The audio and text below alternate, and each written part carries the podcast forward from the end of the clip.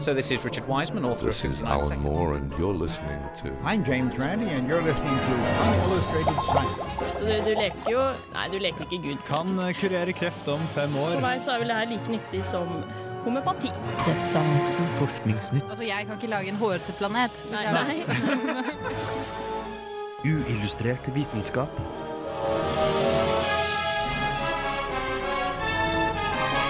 Science, it works, bitches. I dag er det 14. mars, altså den internasjonale pi-dagen. Noen fun facts er obligatorisk. I tillegg til tall skal vi i dagens Uillustrert vitenskap snakke om tre apekatter som har flere foreldre enn du har.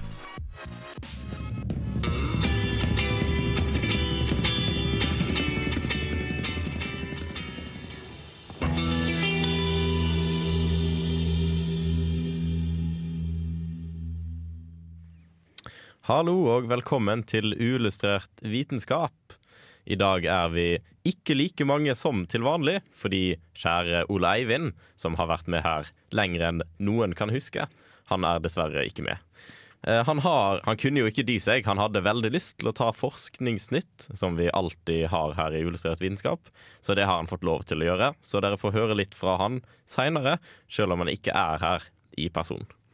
Vi som faktisk er her, det er Hogne Jørgensen. Velkommen. Hallo. Hei. Eh, Og jeg heter Rune Stana. Og i dag så har vi eh, Ja, vi har en fullspekka sending, sånn som eh, vi pleier. Vi skal snakke litt om pi, som Hogne har eh, tatt for seg. Har du noe sånn, lyst til å si om det før vi setter i gang? Eh, nei, det Nei, jeg kan heller si det, prate litt mer om det etterpå. eh, etter å ha hørt saken.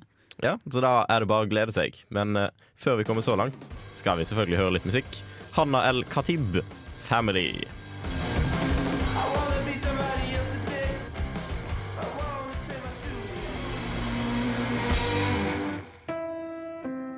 Gledelig pi-dag. Sangen du hører i bakgrunnen, er en tolkning av pi. Melodien er laget slik at en C på et piano tilsvarer tallet 1, en D tilsvarer 2, osv. Melodien er også spilt med 157 BPM, altså rytmeslag i minuttet. Dette er ikke tilfeldig, for 1,57 er jo nettopp halvparten av pi.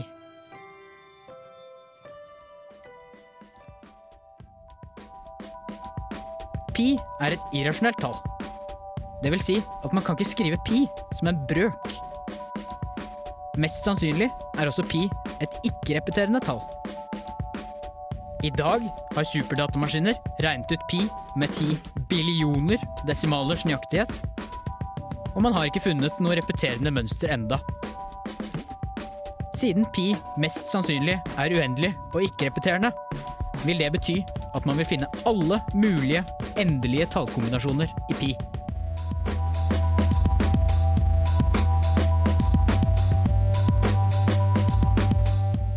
Fordi du kan finne alle endelige tallkombinasjoner i pi, så vil du også finne binærkode for alle tekster, lyder eller videoer som noen gang er laget, eller som vil bli laget, eller som aldri vil bli laget.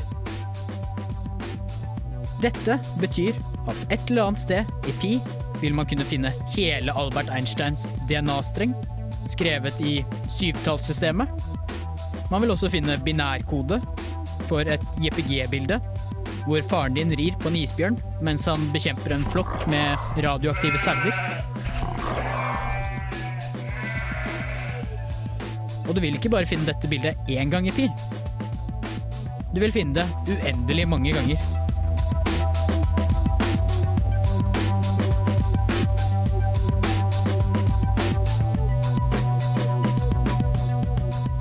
Så du må aldri finne på å skrive pi fullt ut. Hvis du gjør dette, vil du bryte copyright-loven for alle dokumenter som eksisterer, i tillegg til at du vil være i besittelse av barnepornografi og terrortrusler på det verste.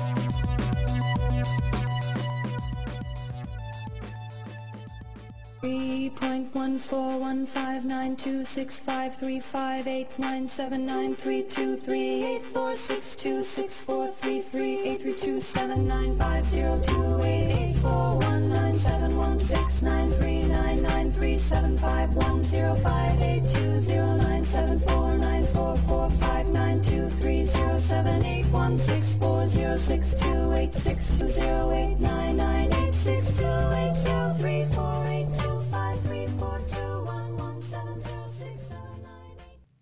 Der fikk vi din eh, sak om pi, Hogne. Ja. Ja, eh, for Nå var det jo sikkert ingen der ute som satt og gjorde det her, men for den meget altfor interesserte lytter som satt med stoppeklokke og hørte på saken, så var den da ville du da oppdage at den er 3 minutter og 14 sekunder lang. ja. Og 1600-deler. Jeg fikk den ikke mer nøyaktig. Nei, men det, Men, det eh, syns jeg er bra nok. Ja. Eh, jeg kan jo for, så vidt også påpeke en ting i saken. Eh, jeg sier av at det er ti billioner Av at jeg har funnet ti billioner siffer av eh, pi. Eh, for alle dere som har tenkt til å klage på det og si av at det er ti trillioner, så husk på av at det er forskjell på engelsk og norsk når det gjelder sånn tall. Ja, veldig, veldig vanlig ting å gjøre feil på. Ja. Eh, Men du har da altså ikke gjort feil. Nei, jeg har ikke gjort feil. Ja, Eh, jeg holdt på å gjøre feil. Ja, veldig, veldig bra. Mm. Har du, har du noen flere morsomme ting? Eh, ja. Um, jeg kan jo si at jeg egentlig ikke er så stor fan av pi. Um, pi er jo kanskje den viktige Det er jo mest sannsynlig den viktigste konstanten vi har. Men den er egentlig litt feil. Uh, for jeg mener at vi egentlig heller burde feira taudagen. Ja, som er To pi, altså det dobbelte av pi. Ja, Så det blir ut i juni en gang, da. Ja, det blir 28. juni. Ja. Eh, og det er fordi at eh, pi det er da diameteren, eller forholdet mellom diameteren og omkretsen, mens man heller da burde egentlig brukt eh, tau, som da er radiusen, eller for, for, forholdet mellom radiusen og omkretsen. Ja. Eh, for at dette gir da mer mening når det kommer til sinusfunksjoner osv. Så, videre, da. så det ville vært mer lettere å lære. Eh, ellers så er også eh, det saken med prøver, jeg prøver å vise med saken, er jo at pi er blitt en slags kultur, da. Ehm, pi er på en måte noe som alle vitenskapsfan har uh, kasta seg litt over. Eh, og som du hører i saken, så har jo folk laget eh, sanger basert på pi, som er ganske kult. Ja, det er ganske tøft. Eh, og så er det veldig mange som eh, syns det er veldig kult å lære seg veldig mange siffer av eh, pi.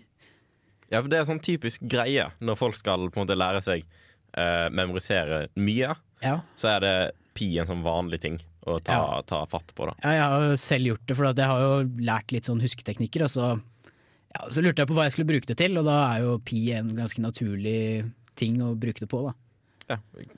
Lærte du mange sifre, forresten? Jeg lærte over 200, men eh, nå husker jeg ganske få. Ah, ja. Så det, det hjalp ikke. Men hvis jeg hadde friska det opp, så hadde jeg kanskje huska det fortsatt. Men du, du, sa, du sa til meg noe i sted. Eh, Mm. hva, hva er forskjellen på en vitenskapsmann og en vitenskapsfan? Ja. Eh, forskjellen på en vitenskapsmann og en vitenskapsfan er at hvis du spør hvor mange sifre de kan av pi, så vil en vitenskapsfan eh, fortelle at de er del av eh, kanskje del av 1000-klubben, 1000-pi-klubben, som da vil si at du kan over 1000 siffer av pi.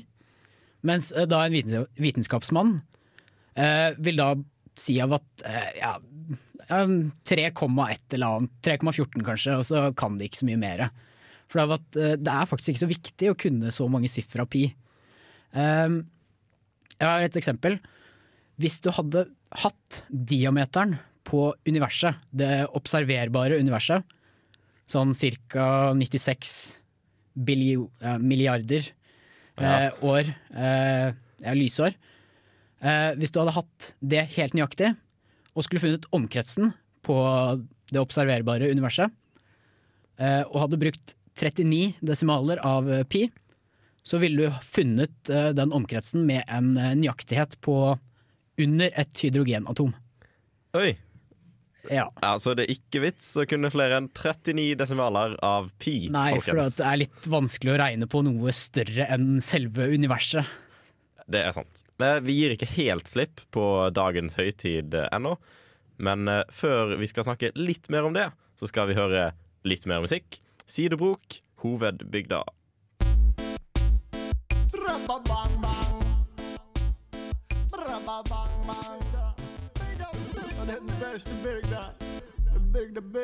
Scientists, scientists, please. Looking for some order.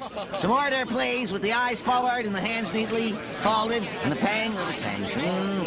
Pi is exactly three. Uillustrert vitenskap.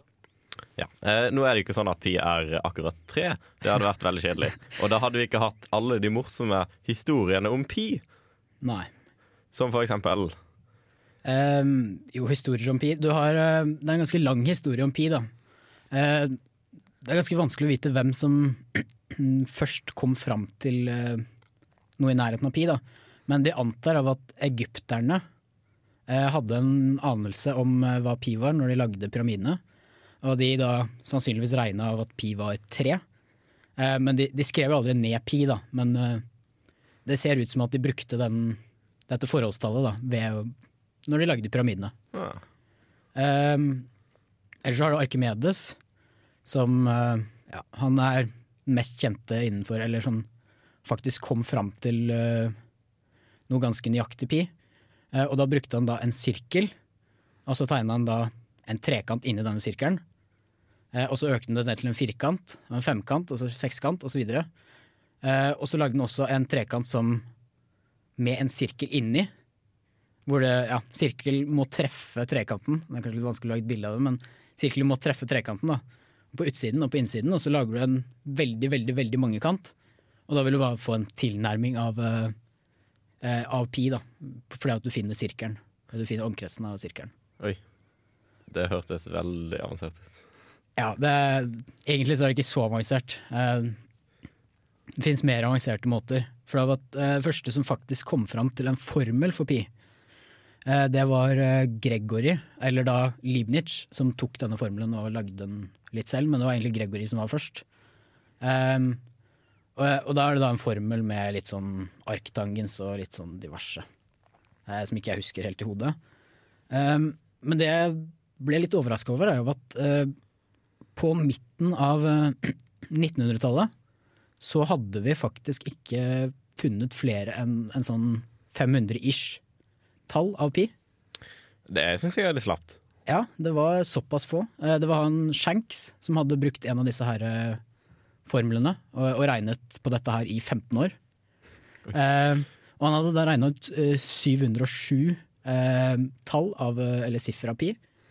Eh, men så viste det seg da at eh, han hadde feil på tall nummer 527. Altså, Så- alt var feil etter det. Alt var feil etter det.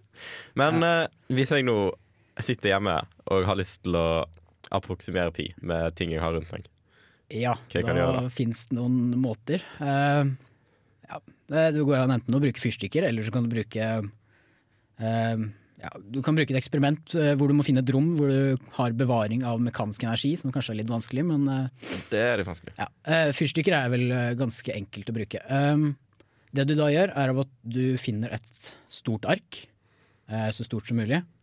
Um, og så tegner du streker, sånne striper på dette arket, med en avstand på to pi ifra hverandre.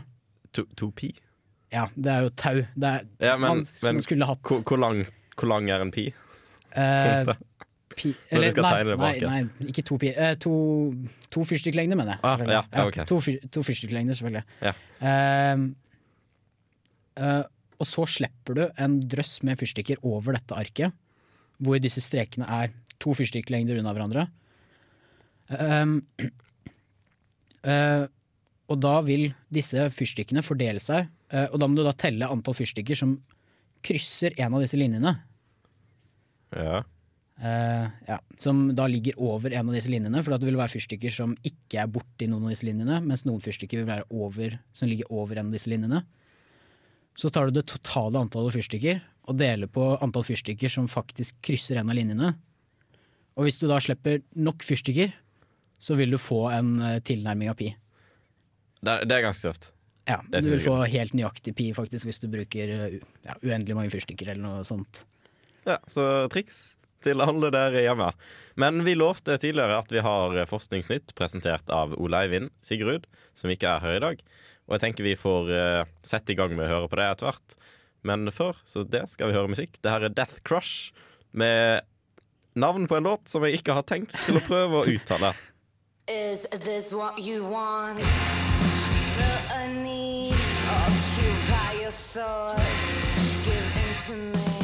I know, I know this feeling strange. Occupy your thoughts, give in to me. Uillustrert vitenskap presenterer Forskningsnytt.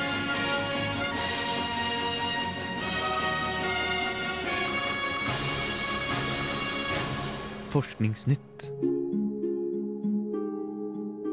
Mars-roveren Curiosity ble sendt til Mars for å studere planetenes geologi og klima, og for å finne ut om krateret den ble sendt til, noensinne har hatt et miljø som kunne støtte liv.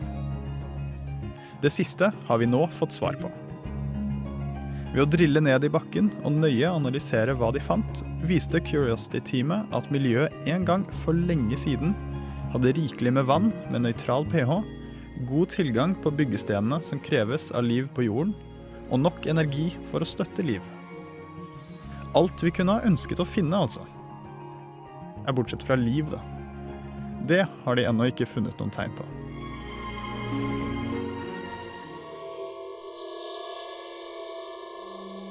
Forskere ved Oregon National Primate Research Center har nå klart å skape verdens første apekatter med tre foreldre. Dyr med flere enn to foreldre, kalt kimærer, har forskere hatt en god stund nå. Typisk har det vært mus som har blitt til ved å kombinere flere embryoer på et svært tidlig stadie.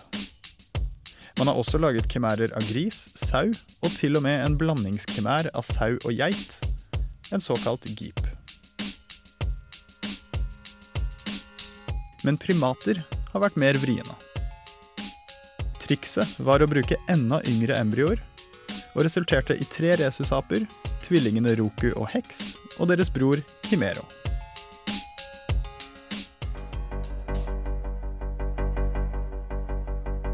Neandertalere hadde dårlige sosiale evner, ifølge forskerne Chris Stringer og Robin Dunbar. Og dette mener de kanskje kan være med å forklare hvorfor neandertalerne døde ut. Neandertalerne hadde omtrent like store hjerner som mennesker, men de var annerledes organisert. Forskerne fant at de viet mer plass til delene av hjernen som kontrollerer bevegelse og syn.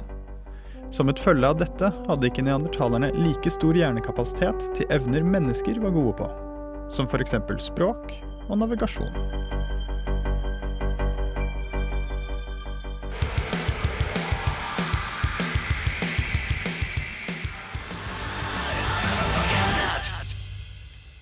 Det var ukens Forskningsnytt, presentert av ikke tilstedeværende Ole Eivind. Uh, første nyhet ut, det var jo han her eh, Curiosity, Mm. som regger rundt oppe på Mars og finner alt mulig rart. Ja. Uh, den gangen her så var det litt sånn greier. At ja, kanskje det er, Eller det passer liksom at det har vært liv der en eller annen gang, da. Ja, men hvordan kom de fram til av at, den konklusjonen av at ja, det ser ut som at det har, har vært liv, eller passet, passet til å være liv der? da? Ja, fordi det den her uh, roveren har oppdaga nå, er at den har båret i jorda og funnet leire. Mm. Uh, og da er det da smarte folk som ser leire og trekker konklusjonen uh, passende livsvilkår. Og det er fordi at leire det blir til når stein er i kontakt med vann over lengre tid, og at vann har noenlunde nøytral pH. Eh, og det er da viktige parametere for, eh, eh, for grobunn for liv, som vi ser det her fra jorda. da. Men er er det det som er nødvendig for liv? At man har en eh, nøytral pH og vann, og så kan man danne liv? Og man kan ikke danne liv hvis man har andre forhold? Altså, det, det er jo ikke sånn at uh, eh, liv krever varmt vær, vann, de samme um, elementene som vi har her på jorda. Uh, nøytral pH osv. Uh, men eh, grunnen til at vi på en måte leter etter det, er jo at vi vet at det funka. Uh, det funka her. Så da hadde det sikkert funka andre plasser òg. at det er litt sånn Det er lettere da enn å finne opp, uh, finne opp nye levevilkår. Eh, Det er jo Mm. litt vanskelig. Ja, det er- litt verre, ja. Det er litt verre. Så det, det er han eh, Curiosity. Han kjører rundt oppi Gale-krateret på Mars. Og det, det ligger da ved siden av eh, et fjell som heter Mount Sharp. Og nå når han uh, gjør seg ferdig med å analysere nedi Gale-krateret, så skal han da kjøre til foten av Mount Sharp og ta prøver videre der. Og jeg vet ikke hva som er så spennende med akkurat det fjellet, men det var visst uh, en av grunnene til at de eh, plasserte han akkurat der nede, da, for å kunne ta prøver der. Nei, jeg kan ikke så mye geografi på Mars. Det, det er jeg ganske dårlig på, faktisk. Nei, Jeg, jeg må innrømme jeg er ganske dårlig på geografi her på jorda òg, så eh, ingen forskjell eh, der. Nei. Men en ting som eh, imponerer meg stadig med han typen der oppe, er at uh, han kan analysere så mye. Fordi uh, nå var det jo da at han fant ut at den steinen her inneholder 20-30% leire. Uh, og den inneholder da ingen syreforbindelser, som er på en måte ganske dumt. Mm. Eh, og tidligere så fant de jo klorforbindelser med hjelp av den der uh, Sample Analysis at Mars, som den heter, som de har om bord. Jeg syns det er ganske imponerende. Uh, ganske, ganske bra. Ja, det kan gjøre noe mer enn å analysere og kjøre rundt, eller? Ja, og det, til og med så kan han ta bilder av seg sjøl. for du har kanskje sett sånne bilder på nettet av, uh, av Mars-roveren på Mars. Uh, og de er ganske stilige, for de ser ut som de er tatt ganske langt borte fra. Og Ja, men det, det er ikke noe mer, mer der på Mars som kan ta bilde av den? Jeg tror ikke han gir kamera til en sånn eh, forbipasserende. Nei, men har ikke satt opp noe speil eller noe sånt heller, sånn langt unna, og så ta bilde av seg selv inn i speilet eller noe sånt. Sånn. Nei, det er jo så enkelt som at han tar bilder med et kamera av forskjellige deler av seg sjøl, og litt bakgrunn og sånn, og så bare setter de det sammen til et ferdig bilde her eh, i NASA. Mm. Så, øh, flott. Men vi har mer nyheter. De skal vi snakke om uh, straks, etter at vi har hørt, hørt Talib Kweli med The Traveler. Take your mind on a trip with the traveler. More spit than your fit days on the calendar. It's amazing how I blaze with challenges. Raise the bar, raise the caliber.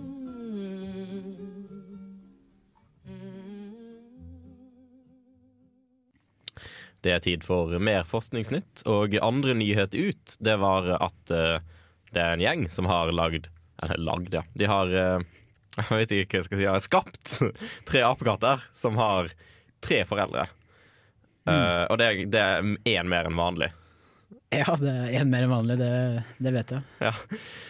Så måten de på en måte gjør det her på det Ole nevner jo, men det, jeg syns det var litt sånn vanskelig å, å bare catche. For det, det de gjør, da er at de tar embryoer fra, fra flere forskjellige apekatter. Ja, kan ikke Og- du forklare litt mer hva en embryo er? Jeg har liksom hørt mye embryoer, men hva er det egentlig faktisk eh, en embryo er? OK, eh, hvis jeg sier noe feil, så må du som lytter gjerne sende meg en e-post på eh, Bare legg det ut på Facebook. Ja, ja. Still, still spørsmål på Facebook-sida, så Ja, eller send en e-post til uv1radiorevolt.no. Men poenget mitt, er en embryo, det er eh, Du tar et befrukta egg, og så lar du det vokse litt, sånn som man ofte gjør med be- befrukta egg. Og så tar du det ut, og da er det et embryo. Eh, og jo lenger du venter, jo større blir embryoet. Eh, Mm. Så det de gjorde da, at de tok embryoer fra flere forskjellige apekatter og putta de sammen. Moste det sammen. Eh, kanskje ikke sånn vitenskapelig uh, uttrykk, men uh, de putta det i hvert fall sammen. Og så putta de det inn igjen i en apekatt. Og så håpte de da, kryssa fingrene, på at det ble uh, levedyktige aper av det her. Mm. Og det ble det. Ganske spennende. Så de har jo fått til Det her er jo ikke noe på en måte nytt, for de har fått det til tidligere med mus og sauer og geiter og alt mulig, som, som nevnt. Men apekatter var vanskelig, det fikk de ikke til. Så det de gjorde, at de tok enda yngre embryoer med mer generelle stamceller, eh, og det, det funka. Ja. Men hvordan er denne rangstigen egentlig? Er det sånn mus, sau, geit, ape? Hva er, hva er det neste på rangstigen nå? Eller hva er det neste de skal prøve? Ja, det, Da må det jo på en måte bli mm, sau, geit, apekatt, sjimpanse, Mm. menneske. Ja. Fordi sjimpa- sjimpanser er ganske like oss. Ja, de er 98 faktisk. Eh, DNA-et deres er såpass likt. Ja. Så liksom nytteverdien av det her er jo at uh, sånn stamcelleforskning og sånn er jo ofte Det er jo, det er jo alltid bra, fordi uh, det er liksom den hellige gral innen uh, biologi og sånn. Mm. Det er i hvert fall inntrykket jeg har. Yep. Så generell ny viten om det, veldig flott. Neste nyhet ut, det var neandertalerne, som visstnok ikke var så veldig smarte sosialt og sånne ting. Uh, så det forskeren gjorde, at de tok eh, De sammenligna eh, størrelsen hjerne-kropp, hjerne i forhold til kropp, for Mhm. mennesker, og for da neandertalere, som vi har funnet levninger fra. Mm. Og det var, det var helt likt, eller i hvert fall noenlunde likt. Men eh, neandertalerne hadde større delen av hjernen dedikert til motorikk og eh, syn, fordi de trengte mer motorikk pga. større kropper, og de trengte mer syn pga. mindre lys, osv. Mm. Uh, og da var det på en måte mindre igjen til uh, andre ting, sånn som uh, språk og sosiale ferdigheter og sånne ting. Hva syns du om det her? Jo, det, det, det høres riktig ut av at det er dette størrelsesforholdet, for at du finner det igjen veldig mange steder. Da, av at en blåhval har jo en fryktelig stor hjerne, men den er ikke veldig smart for det. Eh, og det er fordi at dette her eh, forholdet mellom hjerne og kropp er veldig viktig. Eh, og der er mennesker faktisk helt overlegne. De har Jeg så en eller annen sånn statistikk, og det så ut som at mennesker har At det forholdstallet da, vil være, er- eller er, over dobbelt så stort da, i forhold til neste dyret som var på denne her listen jeg så på. Da. Jeg vet ikke om det stemmer, men det, det, det forklarer i hvert fall en del hvorfor mennesker er så smarte. Ja, men eh, så er det jo på en måte Det går jo an å være kritisk til mm. sånn som det her, fordi det er jo ikke sånn at de har gått De har henta en neandertaler og gitt han en IQ-test og en språktest og se hvor god han er. Uh, det går jo ikke an.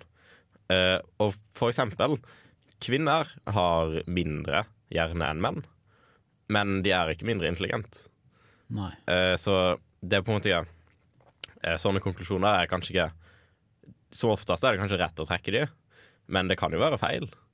Eh, Så det mest riktige ville jo da vært å utføre en test på en, din neighborhood neandertaler, men det er ikke så lett.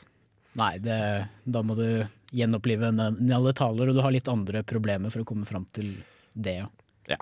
Eh, Så eh, før vi på en måte glir ut i diskusjonen om uh, hjernestørrelse og alt mulig der, så tror jeg vi bare skal kutte av. Eh, Fordi snart så nærmer vi oss eh, avdelingen for generell synsing, der vi skal eh, synse litt. Før den tid skal vi høre enda mer musikk. Det her er Don Martin, som har fått med seg Tommy T. Og det her er Nilsen.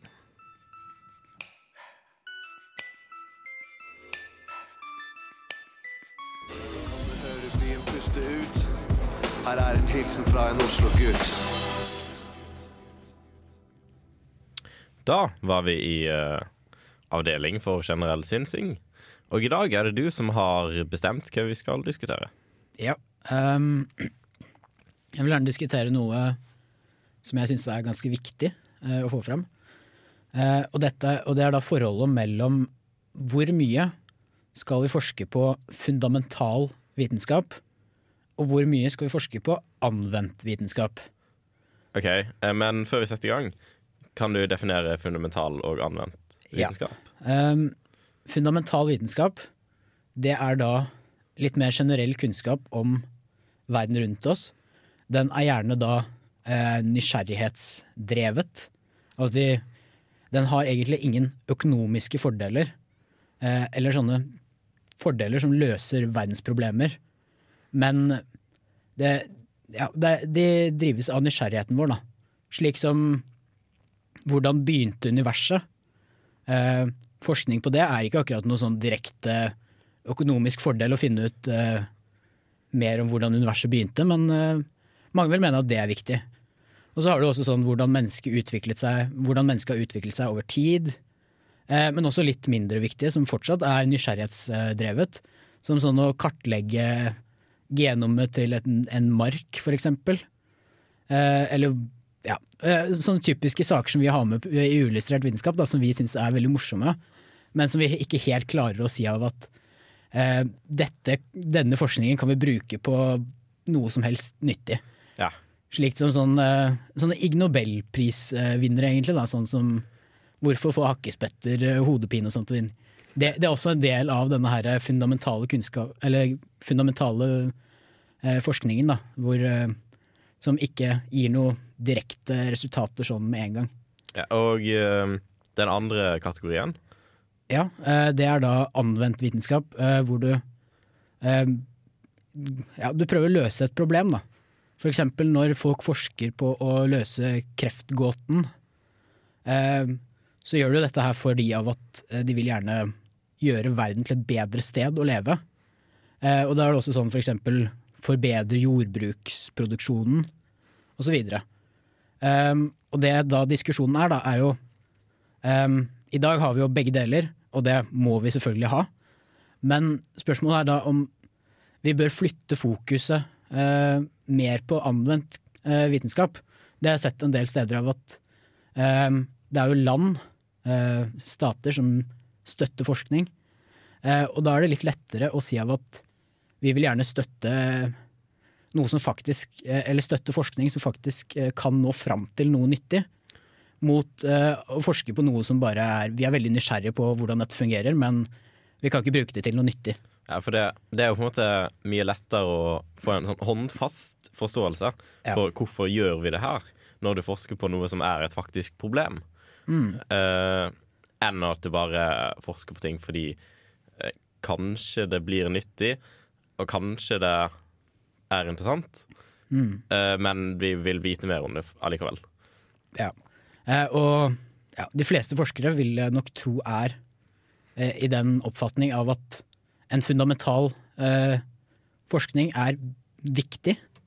Eh, og det er fordi av at eh, hvis man ser tilbake igjen på historien, så er det jo nettopp disse her grunnleggende tingene som man ikke visste kom til å bli brukt til noe. Som viser seg da at dette her kan brukes til virkelig mange nyttige ting. da. Da, da vil jeg gjerne komme med et eksempel. Fordi Michael Faraday, eh, når han eh, viste fram sin nye oppfinnelse, eller ikke oppfinnelse, oppdagelse, induksjon, eh, og viste fram det med magneter og spoler og full pakke, så var det da en av tilskuerne som, som spurte han det her er veldig fint med magneter og sånn, men hva kan det brukes til? Og da svarte han uh, gentleman som han var.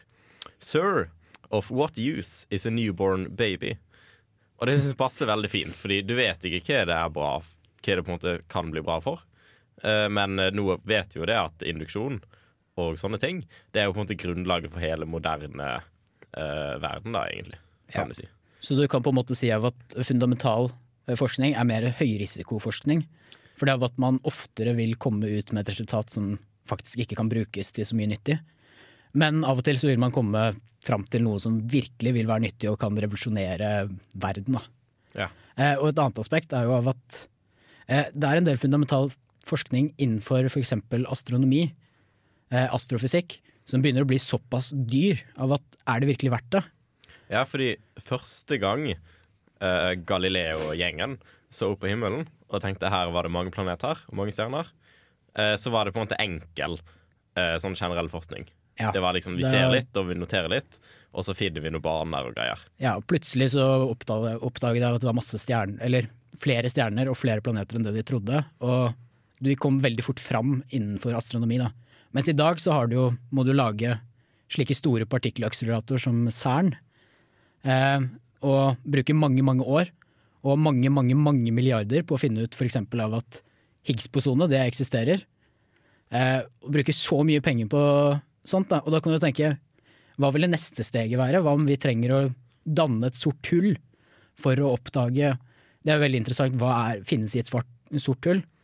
Eh, men da vil du bruke så mange milliarder kroner av at eh, du klarer ikke helt å argumentere for hvorfor vi skal finne ut hva som finnes i et svart hull, når det finnes store problemer i verden som overbefolkning og, osv., som vi heller burde forske på. Da. Ja, for det er jo de her på en måte høyrisiko eh, generelle forskningsprosjektene som ikke har noe direkte mål. Det er jo ofte de som har øh, de beste uforutsette øh, resultatene. Mm, ja. Eh, Det er det jo. Så Men det, det er på en måte litt lenger fram i tid. At vi får ikke bruk for dette her nå, men kanskje Higgs-bosone kan vise seg å være veldig veldig nyttig 50 år fram i tid, da, for eksempel. Ja, det, det kan du det. Det er på en måte en sånn evig diskusjon. Eh, det er det. Så jeg, vi kan jo egentlig ikke konkludere med, med noe som helst. Begge deler er viktig. Begge deler er veldig viktige. Eh, det kan vi i hvert fall være enige om. Mm. Eh, vi skal høre litt mer musikk. Det her er Dirty Projectors. There's a fire.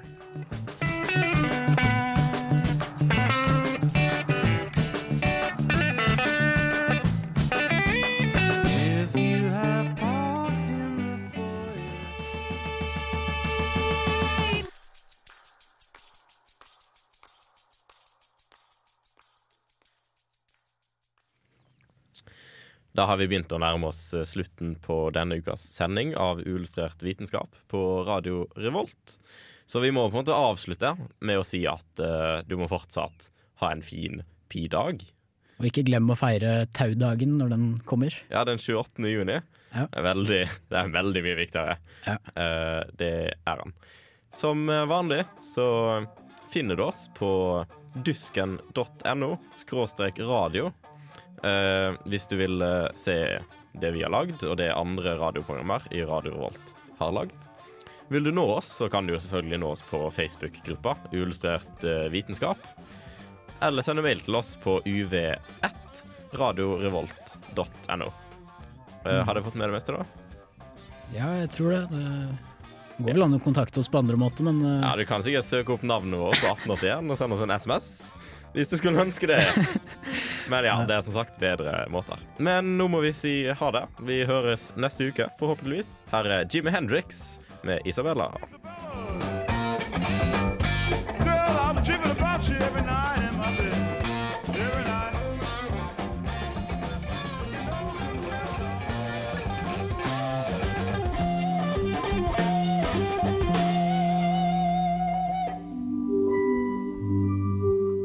Uillustrert vitenskap er Midt-Norges eneste teknologimagasin på lokalradio. Og vi snakker om alt fra populærvitenskap til sære forskningsprosjekt ved NTNU. Radio Revolt, studentradioen i Trondheim, er stolt av å kunne presentere podkaster fra de aller mest populære programmene våre. Hvis du har lyst til å høre mer fra Radio Revolt, hvem vi er og hva slags musikk vi spiller, så kan du høre oss på FM-båndet i Trondheimsregionen, eller streame sendingene våre live på radiorevolt.no.